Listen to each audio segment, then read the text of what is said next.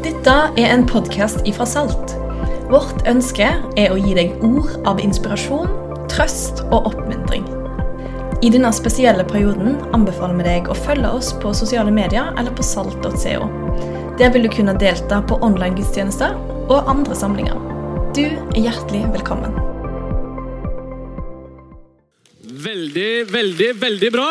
Nydelig reklame for et år på Substans. Jeg fikk skikkelig lyst til å søke og begynne på bibelskolen denne høsten. her. Er det noen som har gått på Substans?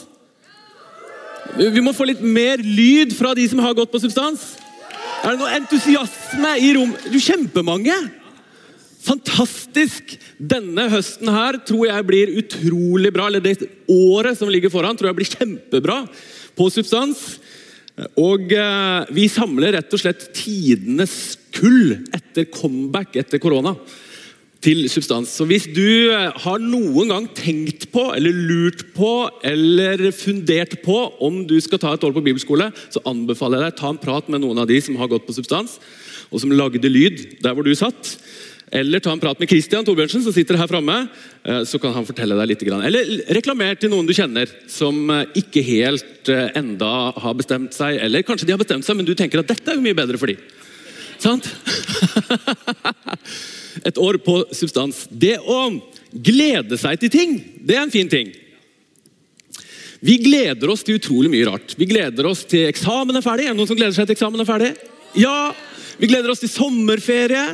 Vi gleder oss til bursdager. Vi gleder oss til veldig mye rart. Min kone hun er ekspert på det å glede seg til ting.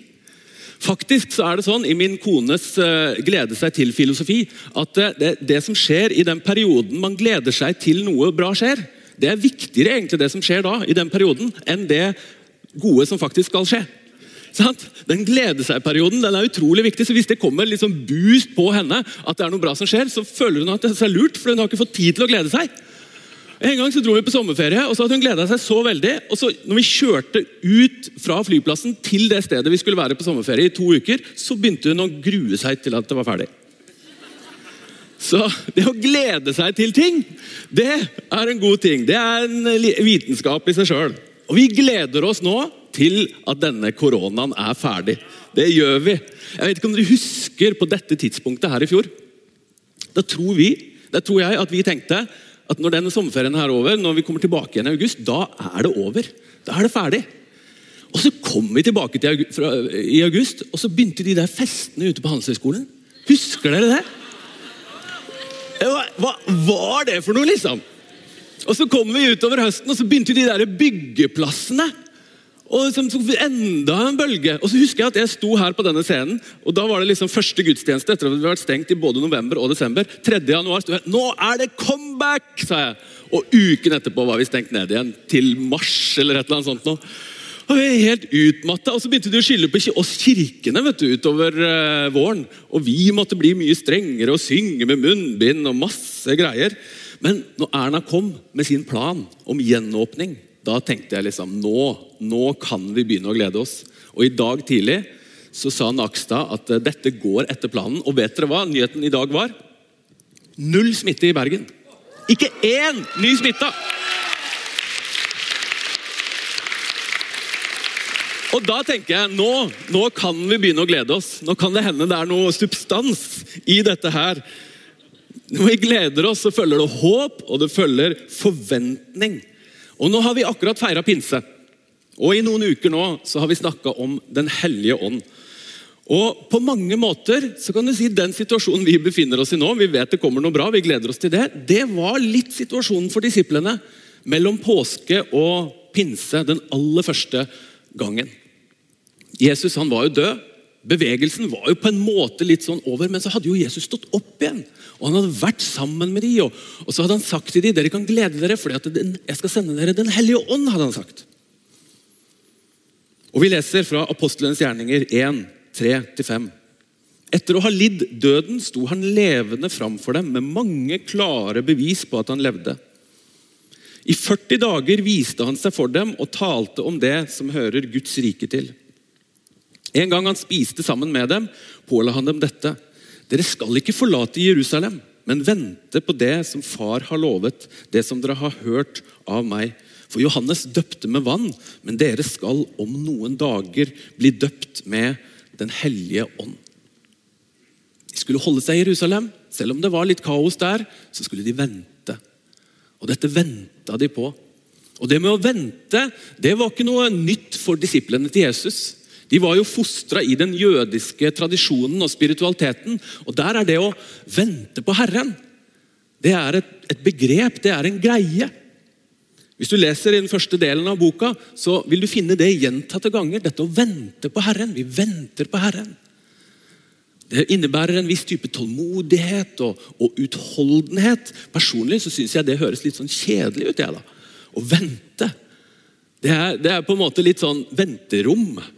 Eh, det er utrolig kjedelig. Du vet jo at du skal et eller annet, men du sitter der og venter. Det er liksom fokuset på den, det du holder på med når du venter. Men ordet forventning gir en annen klang hos meg. Og Det er det vi skal snakke om i dag. Forventning.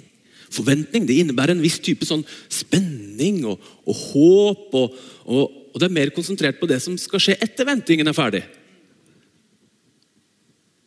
Det skal vi snakke om i dag. Det går an å leve med en forventning til Den hellige ånd. Vi skal fortsette å snakke om Den hellige ånd. Til at Gud kommer og deltar i vår hverdag. Hva betyr det for noe? Å leve med forventning. Hva er det som gjør at vi kan leve med forventning? Hva er det som skaper forventning til Den hellige ånd? Og vi skal snakke om kunnskap om Den hellige ånd. Og så skal vi snakke om mottakelighet for Den hellige ånd. Og så skal vi snakke om tro og tillit til Den hellige ånd. Og, Hvis du trenger en tittel på dette budskapet, så er det bare 'Forventning til Den hellige ånd'.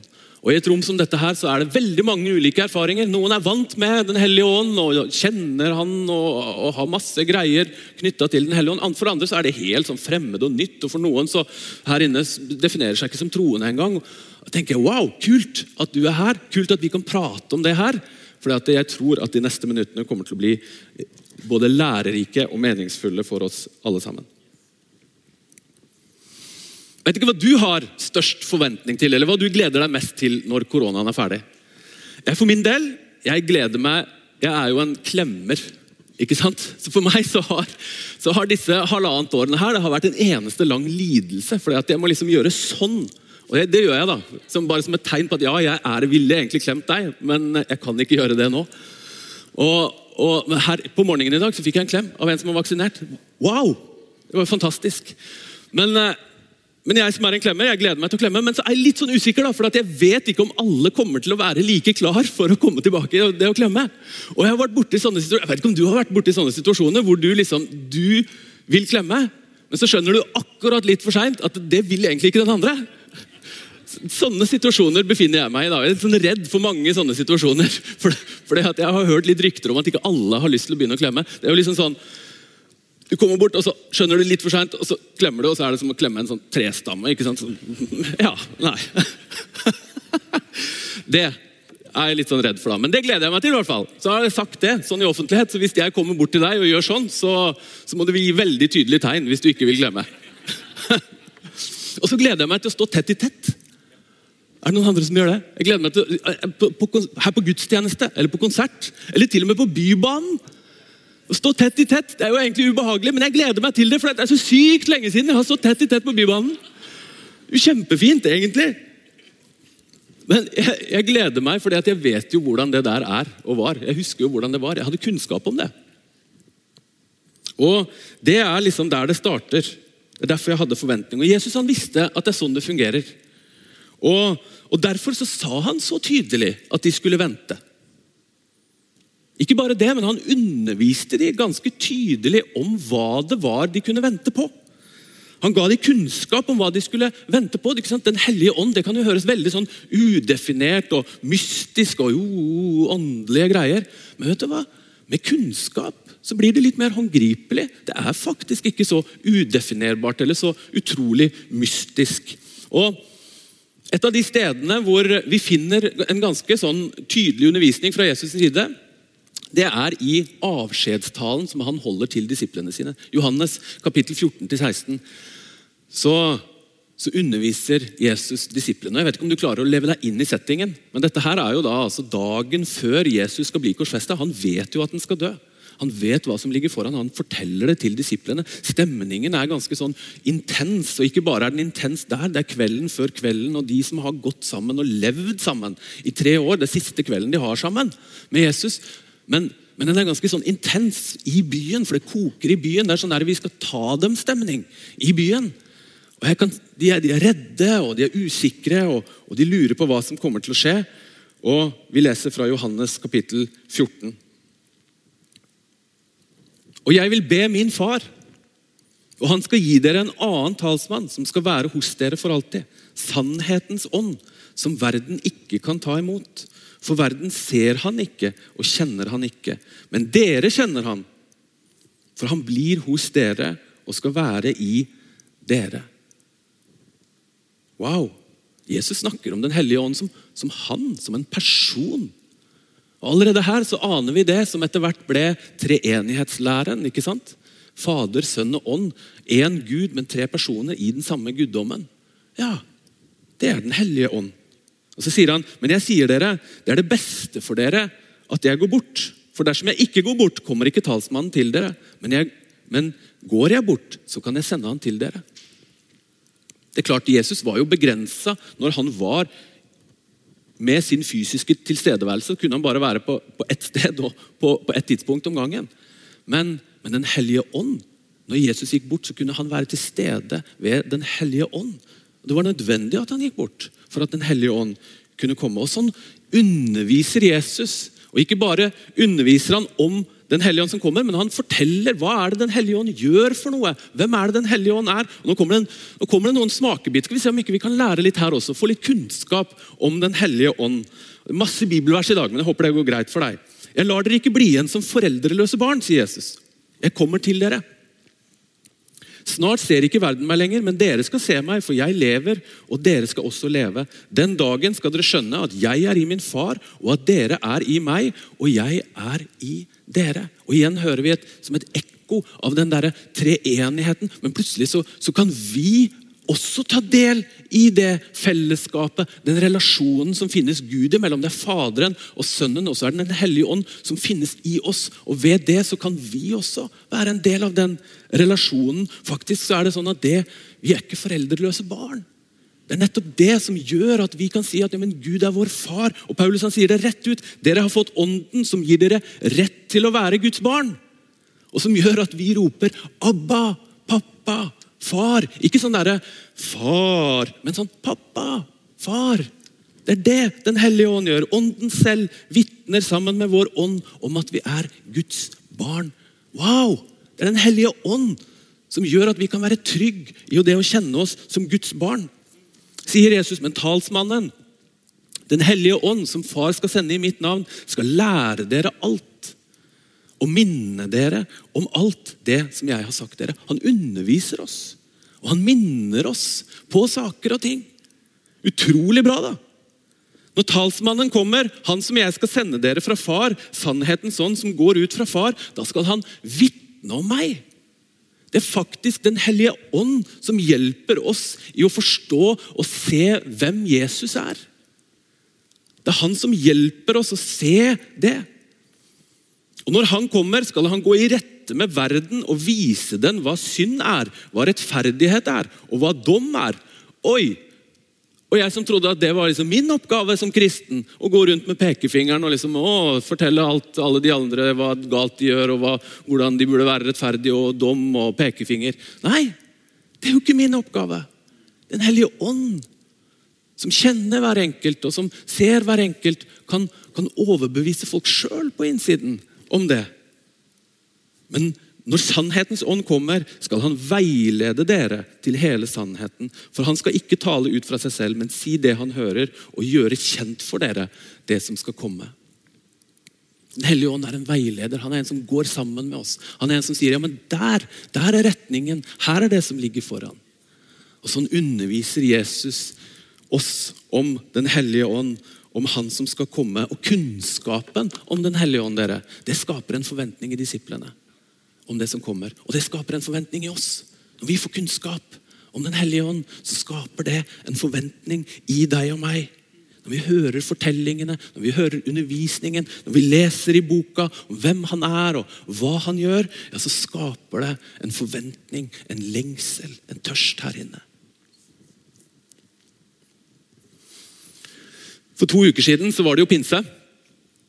Og Øystein han eh, underviste jo litt om, underviste om pinsedagen, og så, og så fortalte han litt om historien til den globale pinsebevegelsen. Og Det er utrolig interessant. Eh, og Han fortalte hvordan det starta med en fattig, enøyd tidligere slave som hadde reist til LA for å være med på noen bibeltimer der de underviste nettopp om Den hellige ånd.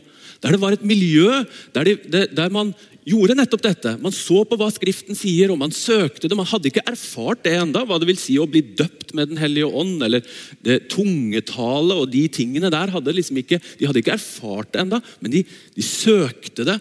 og og denne William Seymour han reiste dit, og han kunne ikke være inne sammen med dem. For det var jo fortsatt et raseskille i USA, så han var jo sort, og han måtte sitte utenfor, for dette var en hvit forsamling. Men hvorfor kom det akkurat dit? Hvorfor kom det akkurat på det tidspunktet? Du vet, USA Dette var jo bare 30-40 år etter den amerikanske borgerkrigen. Det var ganske desperate tider. Det var ganske konfliktfylte tider. Det var ganske mye helbredelse som måtte skje. Og klart det var ikke lett å være fattig og tidligere slave på den tiden der. Men det var en lengsel, og det var en mottakelighet. Hvorfor var det akkurat der det starta? Jo, kunnskap, folkens. Det er ikke nok. Kunnskap er kanskje der det starter, men kunnskapen den må møte en mottakelighet. Og det fantes en mottakelighet der. Og Når vi leser om de disiplene som var samla før Den hellige ånd kom, så, så, hører vi dette. Alle disse holdt trofast sammen i bønn, sammen med noen kvinner. Og Maria, Jesu mor, og brødrene hans. Og Vi forstår at det, ja, men der de venta, og det fantes en mottakelighet. Vi kan godt forestille oss hvordan det var. Jesus han, han hadde jo forlatt dem. Ingen visste hva som kom. Bevegelsen var over. Men, men, men stemningen i byen var jo fortsatt amper. Det var mye folk der. Og, og, og, der var de, de som hadde vært med Jesus i den bevegelsen. De må jo ha følt seg utrolig svake og redde og usikre. Ikke verdensmester i det hele tatt. Her er min påstand. Den er litt farlig å slenge ut i dette rommet her, hvor det er så mange unge, kjekke karer. Men den mest suverene skapningen på jord, i egne øyne, parentes, må være mann 18-21. Det er min påstand. Han er på toppen av næringskjeden.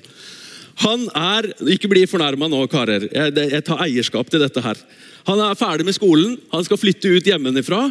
Og han kan alt. Han kan bli alt. Når jeg var 20 år og flytta til Bergen eh, og begynte på Handelshøyskolen, så var liksom den seremonien som eh, vi eh, ble tatt opp som studenter på Handelshøyskolen, den kaltes immatrikulering. Og De lagde bare et sånt skikkelig sånn fancy ord, bare for at vi skulle liksom kjenne oss utrolig viktige. da. Sånn, vi var immatrikulert. Jeg var immatrikulert på Handelshøyskolen. Og de sa til oss det her er kremen av norsk ungdom. sa de. Det har de sikkert slutta å si nå til dere handelshøyskolestudenter, men det sa de til oss bare for å liksom pumpe oss opp innvendig. ikke sant? Og, og, vi tenkte liksom, vi kan alt. Vi kan bli Kjell Inge Røkke, vi kan bli Bill Gates, vi kan bli Elon Musk. Kan liksom, kan, jeg kan bli amerikansk president om jeg vil, tenkte det. på en måte. Det, ikke, det fins ikke et fnugg da, av eh, selverkjennelse. Jeg kan utrydde all ondskap, jeg kan utrydde fattigdom, jeg kan bli hylla som verdens redningsmann. redningsmann. Og Så kom jo realiteten da, på et eller annet tidspunkt. Og For unge lovende Bekkevold så var det liksom, studert noen år på Handelshøyskolen og skulle ut i yrkeslivet, så var jo det en, en, voldsom realitetsorientering. For folk oppførte seg jo ikke akkurat sånn som de teoretiske modellene sa de skulle gjøre. Folk ble jo fornærma, på en måte. sant? på ting, som jeg sa. Folk, det var ikke alle som likte meg. Det var jo litt av en overraskelse. Det var ikke alle som syntes at mine ideer var de beste ideene. Og hvilken realitetsorientering, tenker jeg. og noen mennesker ikke sant, de får jo aldri den realitetsorienteringen. Så det er jo de der, er jo de der 45-åringene på sykkel. Sant? sykkel til 50 000 kroner. Som når du, når du, liksom, når du, som kommer kjørende på innsiden av deg. Når du er på vei ut av en rundkjøring, så skal de forbi deg på innsiden. sant? Og så lager de sånn der plystrelyd bare for å si 'her kommer jeg', nå må du flytte deg. Sånn plystrelyd som jeg har prøvd å lage i 40 år uten å få det til. Sånn, der, sånn plystrelyd som det. Sant? Som bare sier 'pass deg, din bilist', og så bare suser de forbi. Hva er det for noe, liksom? Jeg merker jeg blir litt sånn oppheta. Jeg skal ikke fortelle hvordan den situasjonen endte.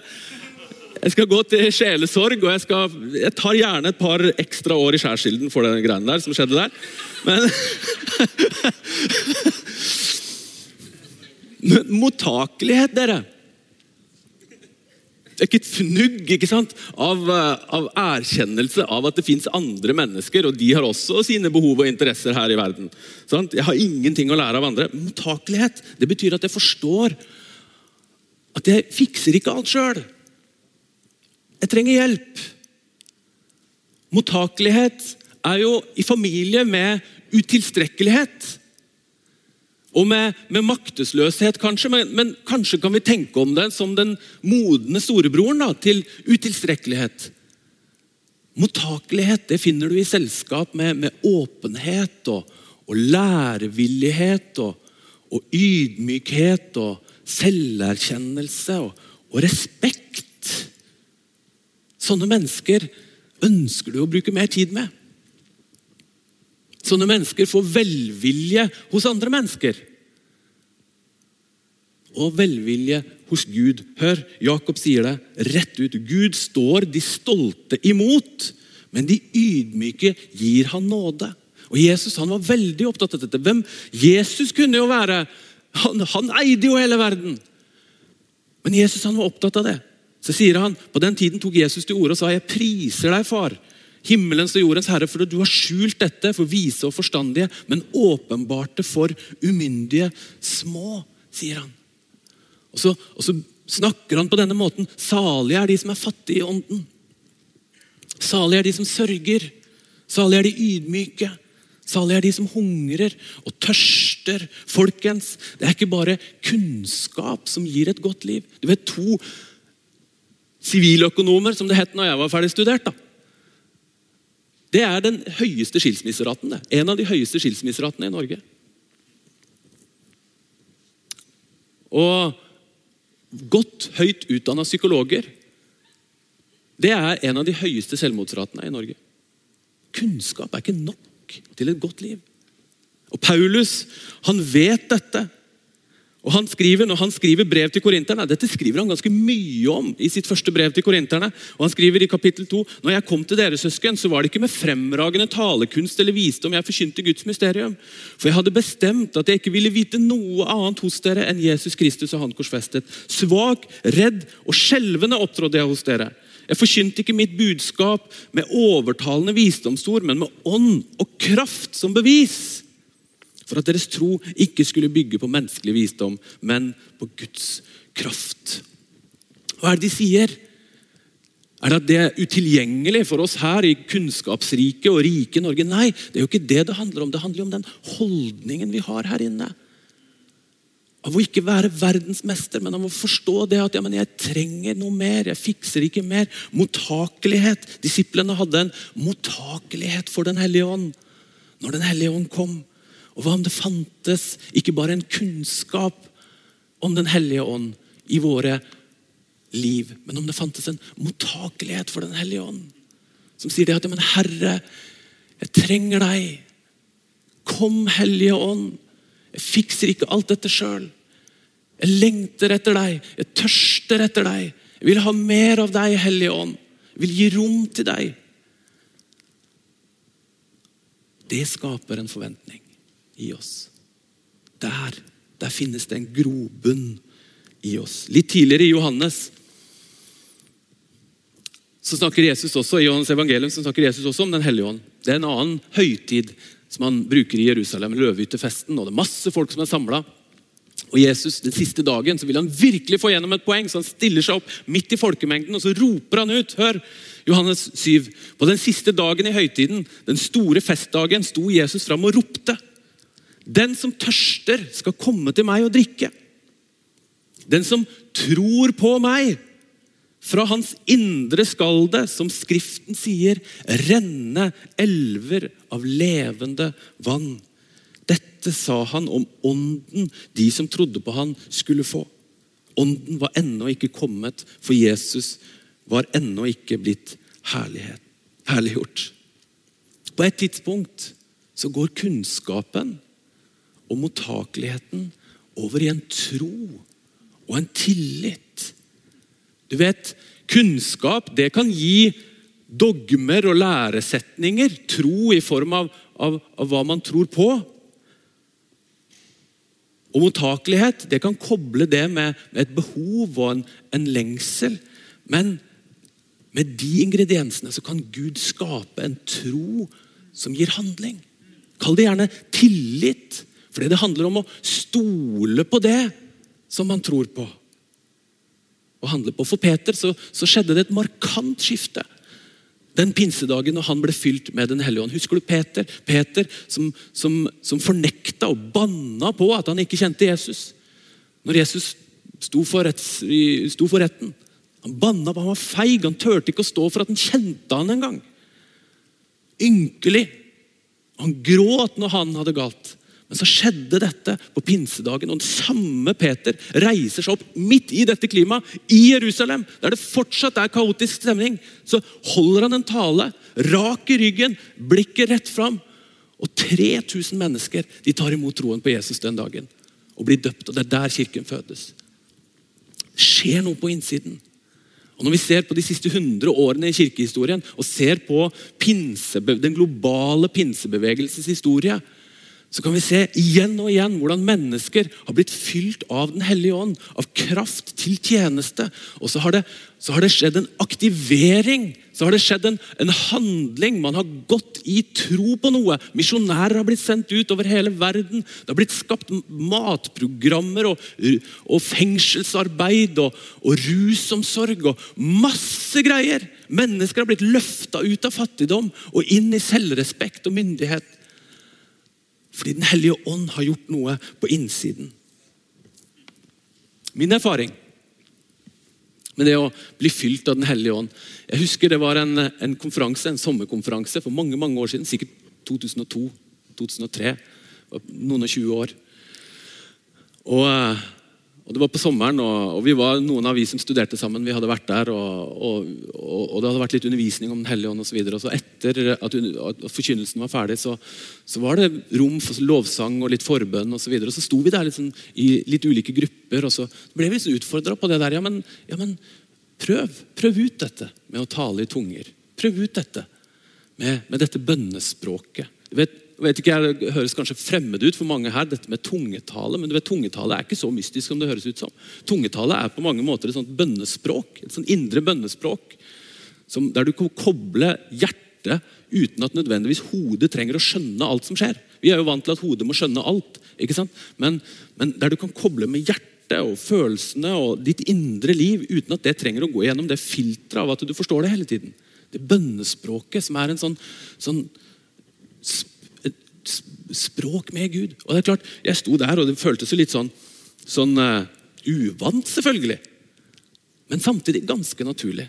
Og Jeg liksom begynte å prøve det litt ut. og, og uh, Det er jo litt sånn når du skal lære et språk. altså De første ordene kommer jo ikke sånn, Du snakker jo ikke flytende med en gang. ikke sant? Men når jeg dro hjem den kvelden, så, så fortsatte jeg litt. Grann, også. I den tiden som kom, så fløt det bedre og bedre. og så Etter hvert så ble det et, et, et rikt, en kilde en rik kilde i mitt liv. Når jeg møter tøffe ting, når jeg skal gå til hverdagen. En kilde til, til perspektiv og til kraft og, og, til håp og til tro på framtiden. Det er min erfaring. Så er det mange mange ulike erfaringer. Noen kan peke på et tidspunkt, andre peker på en reise. Noen kan peke på at det føltes mye, andre peker på at det ikke føltes noe i det hele tatt. Helligånd kan komme og kan fylle på utrolig mange forskjellige måter. Og han, noen, han presser seg ikke på. Han er en gentleman. Presser seg ikke på. Men han er heller ikke vond å be. Om det finnes en mottakelighet der, så er han ikke vond å be. Den som ber, skal få, sier Jesus. Han er, han, er ikke, han er, ikke, mystisk eller uberegnelig. Det er ikke sånn der, kanskje eller kanskje ikke. Nei, tvert imot. Det er ganske tydelig, og Jesus han sier jo nettopp det. Den som tror på meg, sier Jesus. Hva er det som gjør at det, Den hellige ånd flytter inn i livet til et menneske? Jo, det er nettopp det. Den som tror på meg. Han sier dette sa han om øh, ånden de som trodde på han skulle få. Så det å tro på Jesus, at han er den levende Guds sønn, og at han døde og at han sto opp igjen Gjør man det, ja, da bor Den hellige ånd på innsiden. Den samme kraften som reiste Jesus opp fra de døde, det er den samme kraften som da er tilgjengelig på innsiden. Og Da starter det en reise. Å tro det er ikke noen sånn teoretiske greier, liksom. Tro det gir seg utslag i livet. Det skaper bevegelse. Tro det er på mange måter tillit til det som du har kunnskap om at du tror på, sånn at du velger å ta et skritt i den retningen. Jeg kan jo Banalt eksempel. Jeg kan jo, jeg kan jo sjekke når bussen går. Og så tror jeg på den tabellen at bussen går på et visst tidspunkt. Men det hjelper jo ikke ingenting at jeg vet at bussen går på det tidspunktet. Det er jo først når jeg tenker at ja, jeg må rekke jobben her nå. Det er et behov, en mottakelighet hos meg. Sant? Som gjør at hvis jeg virkelig stoler på da, det at bussen går på det tidspunktet, ja, da beveger jeg meg ned til bussen og så rekker jeg jobben. Sant? Litt banalt eksempel. Men du skjønner mekanismen. Tro gir seg utslag i en type handling, i en type tillit. og Det er derfor vi kan snakke om at det er trossteg, eller skritt i tro. Og Når man begynner å ta skritt i tro, ja, da er man etter hvert på en trosreise. Da kan vi snakke om at vi er på en trosreise.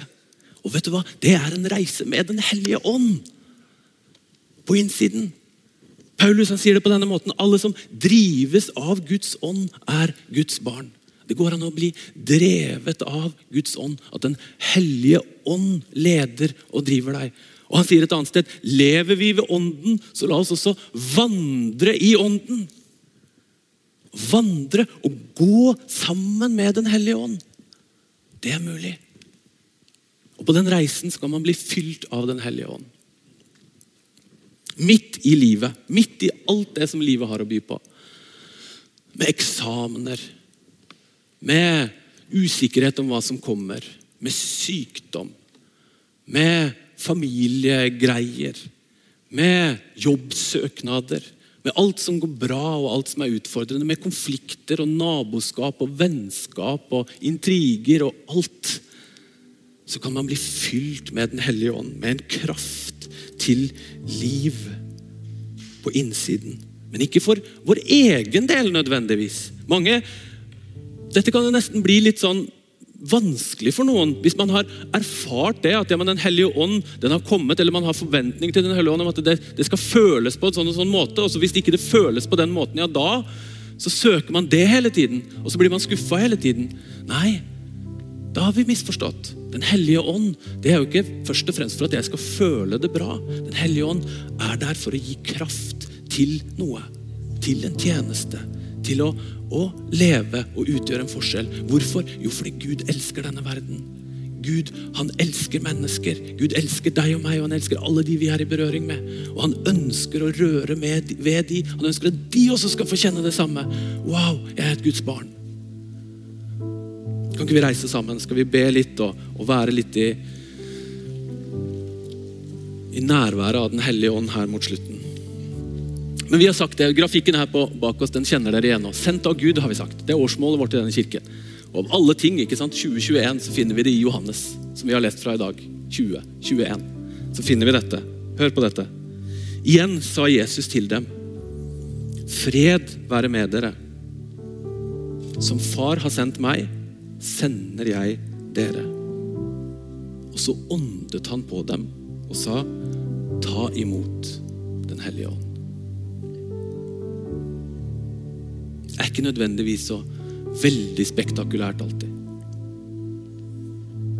Det som skjer i det vanlige livet, men det er akkurat der Den hellige ånd ønsker å være til stede. Og der kan vi ha forventning til Han. Fordi vi har kunnskap om Han. Fordi det, det finnes en mottakelighet i våre liv. en åpenhet for Han, så kan vi forvente det. At Han kommer og deltar midt i våre liv, midt i vår utilstrekkelighet. Midt i vår erkjennelse av at dette får jeg ikke til. Og Det er ikke alltid så spektakulært, men det er ufattelig meningsfullt. Og Jeg vet ikke helt hvordan dette budskapet, denne undervisningen her, hvordan den treffer deg. Men er du litt sånn som meg, så er du litt lei av koronaen og av alt som har gått så opp og ned i det siste. Og så gleder du deg til at dette her er ferdig. Har forventning til hva som skal skje. Men hva om vi ikke bare hadde forventning denne sommeren her til liksom hva som skal skje når koronaen er ferdig for vår egen del? Hva om vi hadde forventning til Den hellige ånd? Ikke bare til hva vi gleder oss til, men hva han gleder seg til. Tenk om vi hadde en forventning til hva denne høsten kan bringe. Vi gikk til sommeren, og så, så gikk vi til sommeren med den søkende etter kunnskap om Den hellige ånd. Med, den, med det ønsket om at det skal finnes en mottakelighet her for Den hellige ånd. Tenk om det var sånn. Kan ikke vi be litt sammen? Og hvis, det, hvis du har lyst til å dele den bønnen med meg, om en, en sånn forventningens ånd, så kan du strekke hendene i været akkurat der hvor du står. Gjør vi det i fellesskap? Herre, jeg takker deg. Hvis du er komfortabel med det. Hvis du ikke vil strekke hendene i været, så gjør du det ikke. Men Herre, jeg takker deg for ditt nærvær. Takk for at vi kan slappe av i ditt nærvær. Takk, Hellige Ånd, for at du er her akkurat nå. Du Kjenner hver enkelt en. Du ser hver enkelt en. Du beveger deg rundt omkring mellom oss, blant oss. Takk, Hellige Ånd. Takk for ditt nærvær. Vi erkjenner vår egen utilstrekkelighet. Vi fikser ikke alt sjøl, Herre. Vi erkjenner det at vi trenger deg. Og Herre, vi ber om at det skal bli en forventning i våre liv til hva du kan gjøre. Vi ønsker å ha forventning. Vi vil ha forventning. Herre, vi vil gi rom til deg. Herre, vi lengter etter mer av deg. Vi søker etter mer av deg. Herre, vi lengter etter mer av deg i våre hjerter, i våre tanker. Vi lengter etter mer av deg i våre liv. Vi lengter etter mer av deg, Herre, i våre relasjoner, i våre samliv, i våre familieliv. Vi lengter etter mer av deg der hvor vi bor, Herre. Vi lengter etter mer av deg der hvor vi studerer og der hvor vi jobber, Herre. Vi lengter etter mer av deg i vår by. Herre, vi vil gi rom til deg. Takk, Herre. La oss synge litt sammen.